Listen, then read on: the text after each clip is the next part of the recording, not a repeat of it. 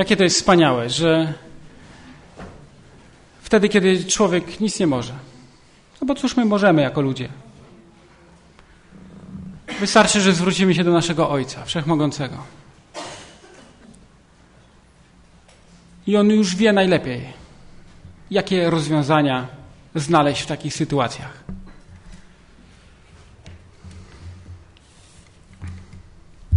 Mam troszkę utrudnioną sytuację, bo nam się troszeczkę yy, niewiele czasu zostało do końca nabożeństwa. Ja potrzebuję 28 minut, jeżeli pozwolicie. Chociaż patrzę na ten zegarek, jest za, 15, za 5.11. No to dobrze, to mamy dużo czasu. Chyba, że nie, nie, nie... Tolerancyjny, to jeszcze ktoś go nie przesunął. Yy, kochani, jeżeli ktoś będzie musiał już iść wcześniej, oczywiście nie obrażamy się, czujemy się swobodnie. A teraz spróbujmy nasze myśli mm, skierować do Pana. Wyciszmy się. Zapomnijmy na razie o wszystkim, o tych wszystkich naszych troskach, bo teraz specjalnie nastawiamy nasze nadajniki umysłowe na słuchanie Słowa Bożego i chcemy, aby Bóg szczególnie do nas przemówił. Nie myślmy teraz już o naszych problemach, nie myślmy o tym, co tam nas rano spotkało nieprzyjemnego, szczególnie w domach, w małżeństwach, które bardzo szybko się szykowały i ktoś nie mógł znaleźć krawata, ktoś nie mógł znaleźć paska. Nawzajem gdzieś tam oglądaliśmy się na siebie, denerwowaliśmy się, żeby wyjść szybko, szybko, szybko, zapomnijmy o tych wszystkich problemach. Nie myślmy już tam o tej naszej zupie, która na nas czeka i którą już trzeba podgrzewać. To wszystko takie troski doczesne, prawda?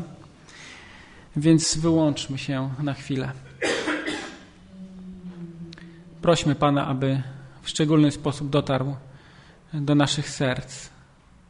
Bo to jest właśnie ten czas, kiedy możemy się fizycznie z Nim spotkać, kiedy możemy Go poczuć. Kiedy to On w myślach do nas przychodzi i mówi nam, co jest słuszne, a co nie, co jest dobre. A dlaczego tutaj w ogóle jesteśmy? A myślę, że sprawdzi im później mi to kazanie, jak będziemy razem rozmawiać trochę. Dlaczego tutaj jesteśmy? Kochamy Pana. Kochamy Pana. Kochamy Pana. Dlaczego jeszcze? Żeby podziękować. No też. A jak to się stało, że tutaj się znaleźliśmy? Jego miłość nas przyciągnęła. Czyli możemy powiedzieć, On nas, on nas pociągnął do siebie. On nas powołał. On nas powołał do szczególnej służby. Gdy zerkniemy na historię od pierwszego wieku naszej ery aż do dzisiaj, Bóg szczególnie dzisiaj powołuje całą rzeszę swoich dzieci, aby głosiły o Nim w tych czasach trudnych i ostatecznych, że Jezus był, zmartwychwstał i niebawem powróci. A my szukaliśmy Go i pozwolił nam się znaleźć. I gdy otworzymy list do Rzymian 10:20, nie mamy dzisiaj e, rzutnika, bo jest niewiele tekstów, więc warto pracować z Pismem Świętym. Wyrabiamy sobie wtedy nawyk szybkiego szukania. Rzymian 10:20 w naszym przekładzie 1218 strona. I napisane jest, że Izajasz waży się nawet powiedzieć: Dałem się znaleźć tym, którzy mnie szukali. Którzy mnie nie szukali. Nawet się dał Bóg znaleźć tym, którzy go nie szukali. W innym miejscu możemy poczytać, że dam się znaleźć wszystkim, którzy mnie szukają. A tu Izajasz mówi nawet coś więcej. Nie tylko tym, którzy mnie szukali, a nawet tym, którzy mnie nie szukali. Objawiłem się tym, którzy o mnie nie pytali. Wyciągam ręce swoje do ludu nieposłusznego i opornego. Czy zdajemy sobie z tego sprawę? Że być może to niewiele w ogóle my nawet wkładamy w to, a to Bóg pozwala nam się znaleźć i pociąga nas do siebie. Jaka miłość musi być wielka, kiedy my, gdy spojrzymy na nasze życie, o ileż to razy odwracaliśmy się do naszego Pana plecami. Odwracaliście się? Może trudno sobie przypomnieć, jak już tak przez ostatni tydzień byłem całkiem grzeczny, to tak trudno sobie przypomnieć, że tam wcześniej grzeszyłem, nie? Ale takie są fakty. Bóg daje nam ofertę niekończących się wakacji. Czy chcecie z niej skorzystać? Chcemy i też między innymi dlatego tutaj jesteśmy. Ja otwarcie mówię. Nawet z punktu takiego widzenia ekonomicznego. Ja chcę dla Boga dzisiaj pracować. Bo przez to mam możliwość skorzystania z oferty niekończących się wakacji. A ile my mamy żyć w naszym życiu? Jedno. Wiecie, nie wiem, czy starsze osoby wiedzą, ale jak y, młodzież albo dzieci grają na komputerze i mają grę, muszą przejść jakiś, jakąś trudną misję tam, zdobyć jakieś jabłuszka, zerwać jakieś y, cukiereczki, zdobywa się tam za to punkty, łapie ich czasem jakaś pułapka. Jak ich złapie, to tracą życie. I czasem w takich grach jest tak, że się ma trzy życia. A czasem jak się idzie przez tą drogę, to można jeszcze życie dodatkowe złapać, tak się mówi, takiego bonusa. I się ma cztery życia wtedy. A my w naszym życiu niestety. W naszym realistycznym życiu mamy tylko jedno życie, tylko jedno podejście do każdej sprawy. Oczywiście jako ludzie mamy prawo popełniać błędy. Bo błędów nie popełnia kto? Ten, kto nic nie robi, ten, kto nie próbuje. I to jest jego błąd. No właśnie. A każdy, kto próbuje, to jest nawet wpisane i w założenie właściwie w ideę całego życia, że popełnia błędy i mamy prawo popełniać błędy i mamy prawo do tych błędów się przyznawać. A nawet więcej. Bóg nam powiedział, że szczególnie w planie, w który On nam nakreślił, nawet jeśli popełnimy błąd, to powinniśmy wstać, ukorzyć się, jeśli trzeba przeprosić i iść dalej. I tym właśnie różnią się osoby wierzące od niewierzących, że właściwie niewierzący to nie powstają. Nie mają po co. Nie ma to dla nich sensu. Jeżeli przychodzi trudność, najłatwiej wtedy skończyć ze swoim życiem bezsensownym. I ja w internecie pytam tych, którzy mówią, że nie ma Boga. Jaki masz cel życia? I co na końcu ciebie czeka? Bo ja wiem, co mnie czeka. I w mojej sytuacji, nawet jeśli się zawiodę i okaże się, że Boga nie ma, to nic nie stracę. Po prostu wiatr rozwieje mój proch, jak proch po spalonych liściach. I więcej nie będę pamiętał. Ale jeżeli się okaże inaczej, no to przykro będzie się nam zdziwić, gdybyśmy odwrócili się od Boga, że tam na końcu jednak On jest i czeka na nas. Pytam się wszystkich niewierzących, jaką macie alternatywę? Nie mają alternatywy. Mówią, że no jedynie co tu żyć szczęśliwymi i żyć pełnią życia, jak to mówią. Ale ja mówię, ja też jestem szczęśliwy i żyję pełnią życia i nic mnie nie ogranicza. I nie mogą tego zrozumieć. Więc pytanie jest, kto lub co powinno być najważniejsze w naszym życiu? Jezus. I najważniejszym jest, żeby utrzymać z Nim dobrą relację. To jest najważniejsze. Bo na przykład, gdy patrzymy na naszych przyjaciół, kiedy możemy się spodziewać od przyjaciela pomocy?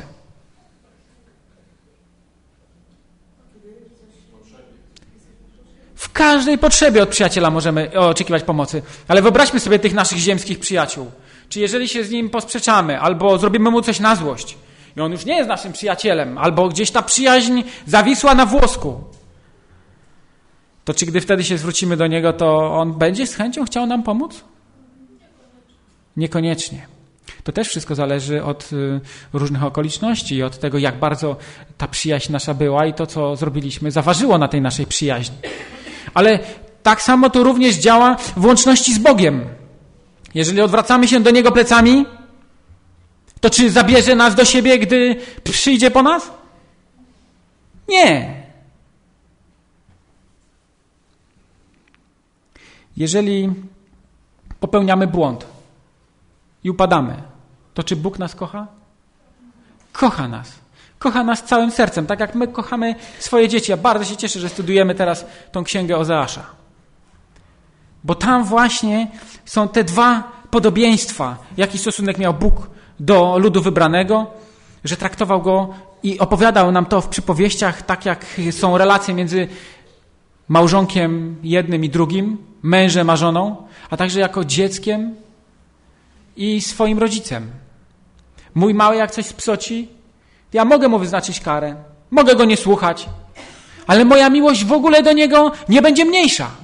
Będę kochał go jeszcze bardziej i będę dbał o niego, żeby mógł powrócić do mnie. I napisane jest w przypowieści Salomona 3:5: Zaufaj Panu z całego swojego serca i nie polegaj na własnym rozumie. Pamiętaj o nim na wszystkich swoich drogach, a on będzie prostować wszystkie ścieżki twoje. Nie uważaj się sam za mądrego. Bój się Pana i unikaj złego. Patrzcie, jakie mądre słowa. Jakie mądre słowa. Zaufaj Panu z całego swojego serca i nie polegaj na własnym rozumie.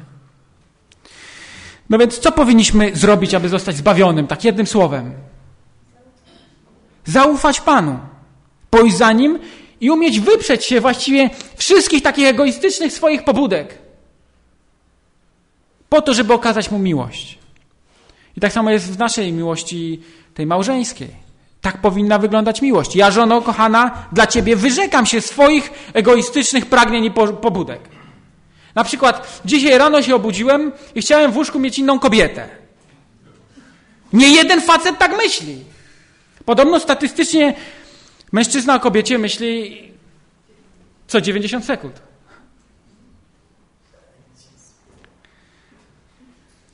To dobrze, jeśli myśli o swojej kobiecie, ale jeśli myśli o cudzej. No i ja też jestem człowiekiem, też jestem mężczyzną. I też budzę się rano i mógłbym powiedzieć, dzisiaj chciałbym mieć wieczorem inną kobietę. Ale ja specjalnie, z miłości do mojej żony, rezygnuję ze swoich egoistycznych pobudek. Bo ją kocham i chcę jej dawać jak najlepiej, jak najwięcej. I tak powinna też wyglądać relacja nasza do Boga. Mamy pewne nasze tutaj ciągotki na ziemi, które chcielibyśmy realizować. Ale na tym objawia się miłość do Jezusa, że wyrzekamy się tych ciągotek. I że przychodzimy do Niego w pokorze. I mówimy, Panie, ja wolę być z Tobą. Ja wolę być przy Tobie. Łukasza 10 od 25. Zobaczmy. Łukasza 10 od 25. To jest strona 1108.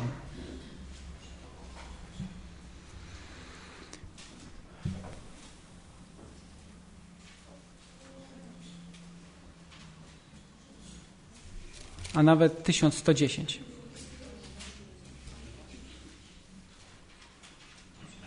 Napisane jest tak. Czytam z przykładu mm, warszawskiego.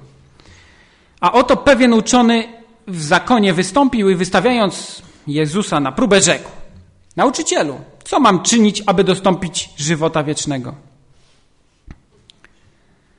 On zaś rzekł do niego: Co napisano w zakonie? Jak czytasz? A ten odpowiedział: Będziesz miłował Pana Boga swego, z całego serca swego, i z całej duszy swojej, i z całej myśli swojej, i z całej siły swojej, a bliźniego swego jak siebie samego. Jezus rzekł mu więc, dobrze odpowiedziałeś, czyń to, a będziesz żył. Patrzcie, Jezus nam wprost wskazuje.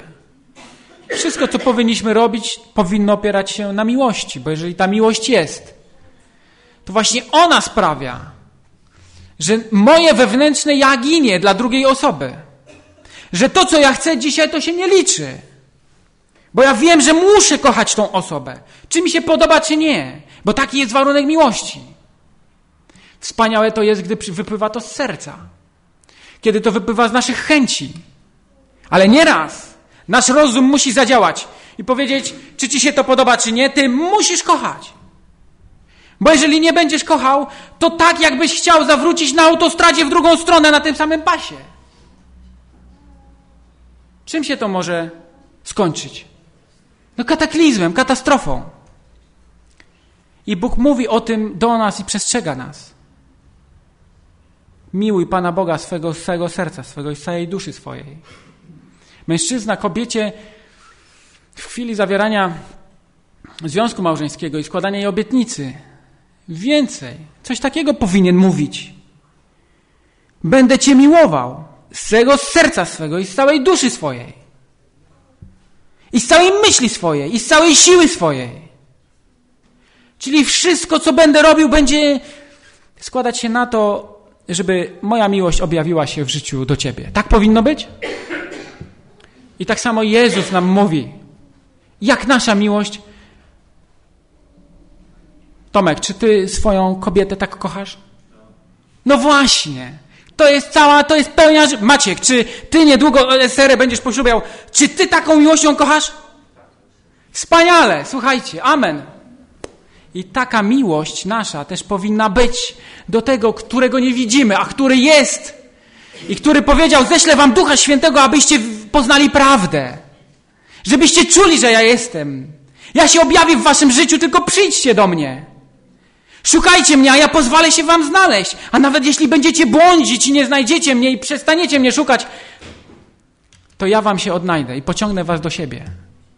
Bo jesteście mi potrzebni po to, żeby głosić Ewangelię innym. W innym fragmencie Pismo Święte mówi: Zaprawdę powiadam wam, kto nie przyjmie Królestwa Bożego jak dziecko, ten nie wejdzie do niego. Czy słyszeliście, co ten dzieciak tutaj mówił? My mamy takie nadajniczki, a Bóg ma odbiornik i my wysyłamy i on odbiera. Jakie to jest proste. A jak my bardzo często komplikujemy. A przecież wiemy to, że Bóg jest tak jakby za filarem i go nie widać dzisiaj, ale on tam jest i słyszy wszystko, co do niego mówimy.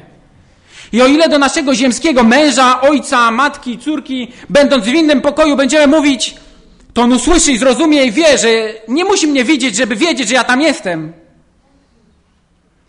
To tak jak bardzo często my się zastanawiamy, panie, czy ty tam jesteś? Bo przecież w internecie napisali, że ty jesteś tylko w naszej wyobraźni. Ale tak nie może być ponieważ Bóg objawia się w naszym życiu. I to już byłoby nadmiar zbiegów okoliczności, tych tak zwanych łudów szczęścia, które objawiają się w naszym życiu. Tych cudów, które doświadczamy. Jest ich zbyt dużo, żeby powiedzieć, że to zbieg okoliczności. I na podstawie tych doświadczeń ja wiem, że Bóg istnieje. To kazanie, które pokazywałem, że obłożyłem w taki rysuneczek, który głosiłem i puściłem w internet, doleciało do jakiegoś przedsiębiorcy w Warszawie i do jego wspólnika. Jeden ma na imię Adam, a drugi ma na imię Roman i prowadzą firmę szkoleniową. I kiedyś u nich na szkoleniu byłem, dlatego oni dopisali się gdzieś tam do mojej znajomości i przez to gdzieś tam do nich dotarłem. I on mi wysyła SMS-a. Czy to kazanie było w kościele zielonoświątkowców, czy u adwentystów? Ja mówię, a czy miałeś do czynienia z adwentystami? Nie, ale 10 lat studiowałem teologię i ja raczej wiem, że to przesłanie było tam głoszone. A podobało ci się? Chwała Panu, tak. My żeśmy z moim wspólnikiem jechali samochodem gdzieś tam na szkolenie i żeśmy po trasie słuchali. Ja mówię, to słuchacie w kazań w samochodzie? Tak, słuchamy. My nie wiemy, Jaka jest relacja Boga urzędnika, policjanta, prezydenta, radnego? Nie wiemy, co on robi, jadąc do domu, z domu do pracy, z pracy do domu, czy jadąc gdzieś tam. Ale jak to jest niesamowite, że ludzie jednak poszukują Boga i słuchają, bo On powiedział: Wiara bierze się ze słuchania. I jest jeszcze powiedzenie, że wiedza bierze się z doświadczenia. Więc jeśli doświadczamy Boga i słuchamy, tym samym przybliżamy się do Niego. Jakiej dzisiaj pracy Bóg oczekuje od swoich uczniów? Możecie określić to jednym słowem? Owocnej, rzetelnej. Ale chodziło mi, dobrze już podpowiem, chodziło mi o ewangelizację właśnie. O to, żeby mówić o Bogu. Bo po to do tego zostaliśmy powołani i po to zostaliśmy nazywani synami światłości, aby tą światłość innym nieść. A po czym można poznać, że jesteśmy prawdziwymi dziećmi Bożymi? No właśnie, jeśli miłość mieć będziemy. Napisane jest, tu się okazuje wytrwałość świętych, którzy także strzegą przykazań Boga i wiary w Jezusa. W innym fragmencie napisane jest, jeśli mnie miłujecie, będziecie zachować moje przykazania. I w odpowiedzi do niego Jezus rzekł: Kto mnie miłuje, będzie zachowywał moją naukę, a ojciec mój umiłuje go, i przyjdziemy do niego i będziemy u niego przebywać. Jest to napisane w Ewangelii Jana 14 rozdziale 23 wersecie. A kto mnie nie miłuje, ten nie, miłuje, ten nie zachowuje słów moich. A nauka, którą słyszycie, nie jest moja, ale tego, który mnie posłał. Gdzie ja dzisiaj jestem, bracie i siostro? Niech każdy sobie odpowie na pytanie. Gdzie ja dzisiaj jestem? Jak dawno poznałem te zasady, które wdrożyłem do swojego życia? To o przestrzeganiu prawdziwych dziesięciu przykazań, te o tym, że sąd właściwie już się zaczął i zbierane są dokumenty i fakty, i o tym, że Jezus niebawem powróci. Jak długo już o tym wiem? Co od tamtej pory zmieniło się w naszym życiu? Gdybym dzisiaj umarł, a następnie zmartwychwstał, czyli albo do życia wiecznego, albo na wieczne zatracenie, co bym czuł? Wyobraźmy sobie, że umarliśmy i budzimy się. I jeszcze nie wiemy, czy zmartwychwstaliśmy w pierwszym zmartwychwstaniu, czy w drugim, jak Pismo Święte mówi, objawienia 20-21 rozdział, tam jest to opisane. Że najpierw będzie pierwsze zmartwychwstanie, jak i w liście do Hebrajczyków jest napisane. I zmartwychwstaną ci umarli w Chrystusie i zostaną porwani na spotkanie z Panem, a później zmartwychwstaną ci, którzy czynili zło. No i budzimy się. No i nie wiemy, które to jest zmartwychwstanie. Co czujesz? Czy jesteś pewien? Bo można nabrać pewności. Pewności nabieramy po tym, że nasze zachowanie oceniamy i to są nasze owoce. I można poznać po owocach, gdzie dzisiaj jestem. Co czynię, jak czynię. Czy faktycznie miłuję Boga, przestrzegając Jego przykazań. Możemy sobie wyobrazić od taka kontrola lekarska, która zdarza nam się co jakiś czas. Idziemy do lekarza, a lekarz mówi: Z badań wynika panu, pani, że jest pan śmiertelnie chory. Zostało panu pani sześć miesięcy. Co czujesz? Jakie działania wtedy podejmiesz? Czy działałbyś wtedy ze zdwojoną szybkością, prędkością? Czy chciałbyś uczynić coś niesamowitego, aby jeszcze to zdążyć zrobić za życia? A ile my mamy czasu w ogóle? Dużo czy mało? Malutko. A jak wygląda nasze postępowanie, jeżeli chodzi o służenie Bogu i głoszenie Ewangelii?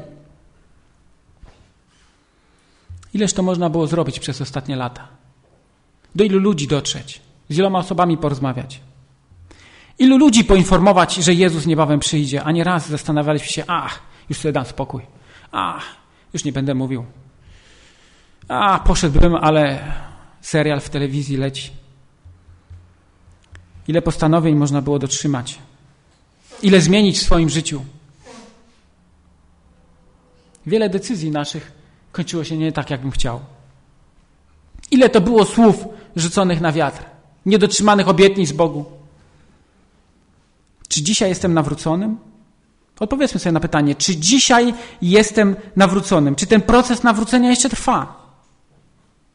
Czy możemy dzisiaj powiedzieć o sobie samych, tak, jestem dzieckiem Bożym. Czuję to. Czuję, że mój ojciec jest w niebie. Dlaczego tak długo nie chciałem zaufać Panu? Dlaczego to byłem nieraz mądrzejszy, robiłem po swojemu?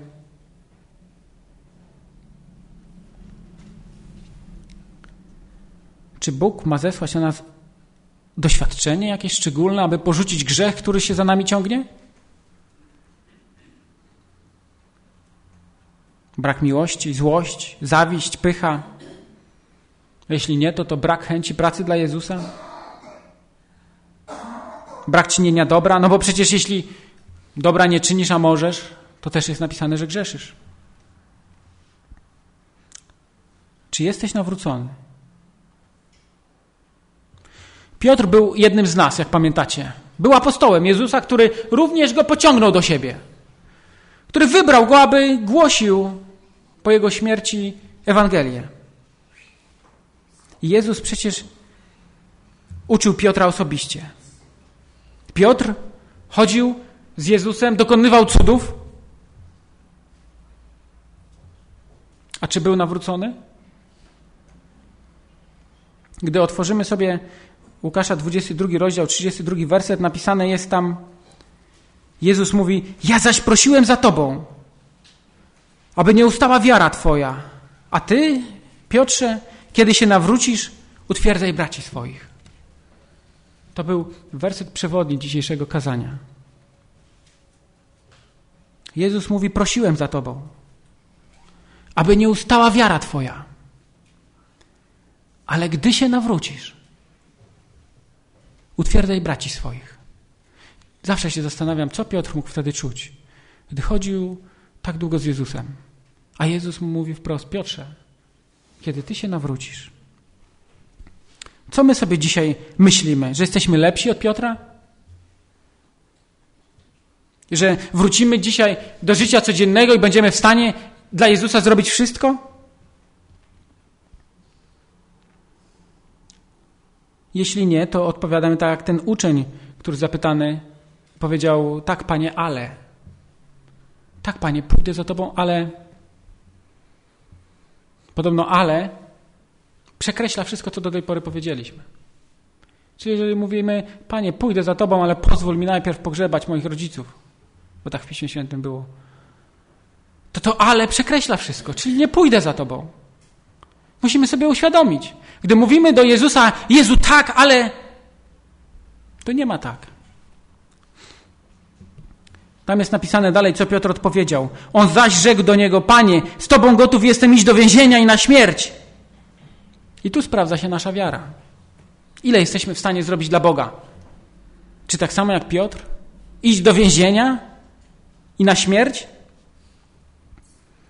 Jezus sprowadził wtedy Piotra na ziemię, odpowiadając: Nie zabiję dzisiaj kur, a ty się trzykroć zaprzesz, że mnie znasz.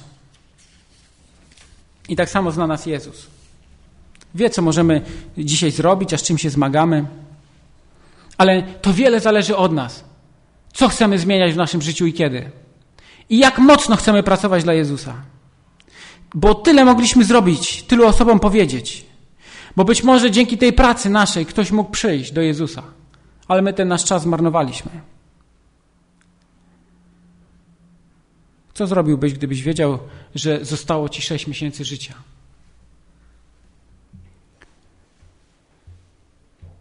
Sześć miesięcy życia i nic więcej się nie liczy. Co robisz?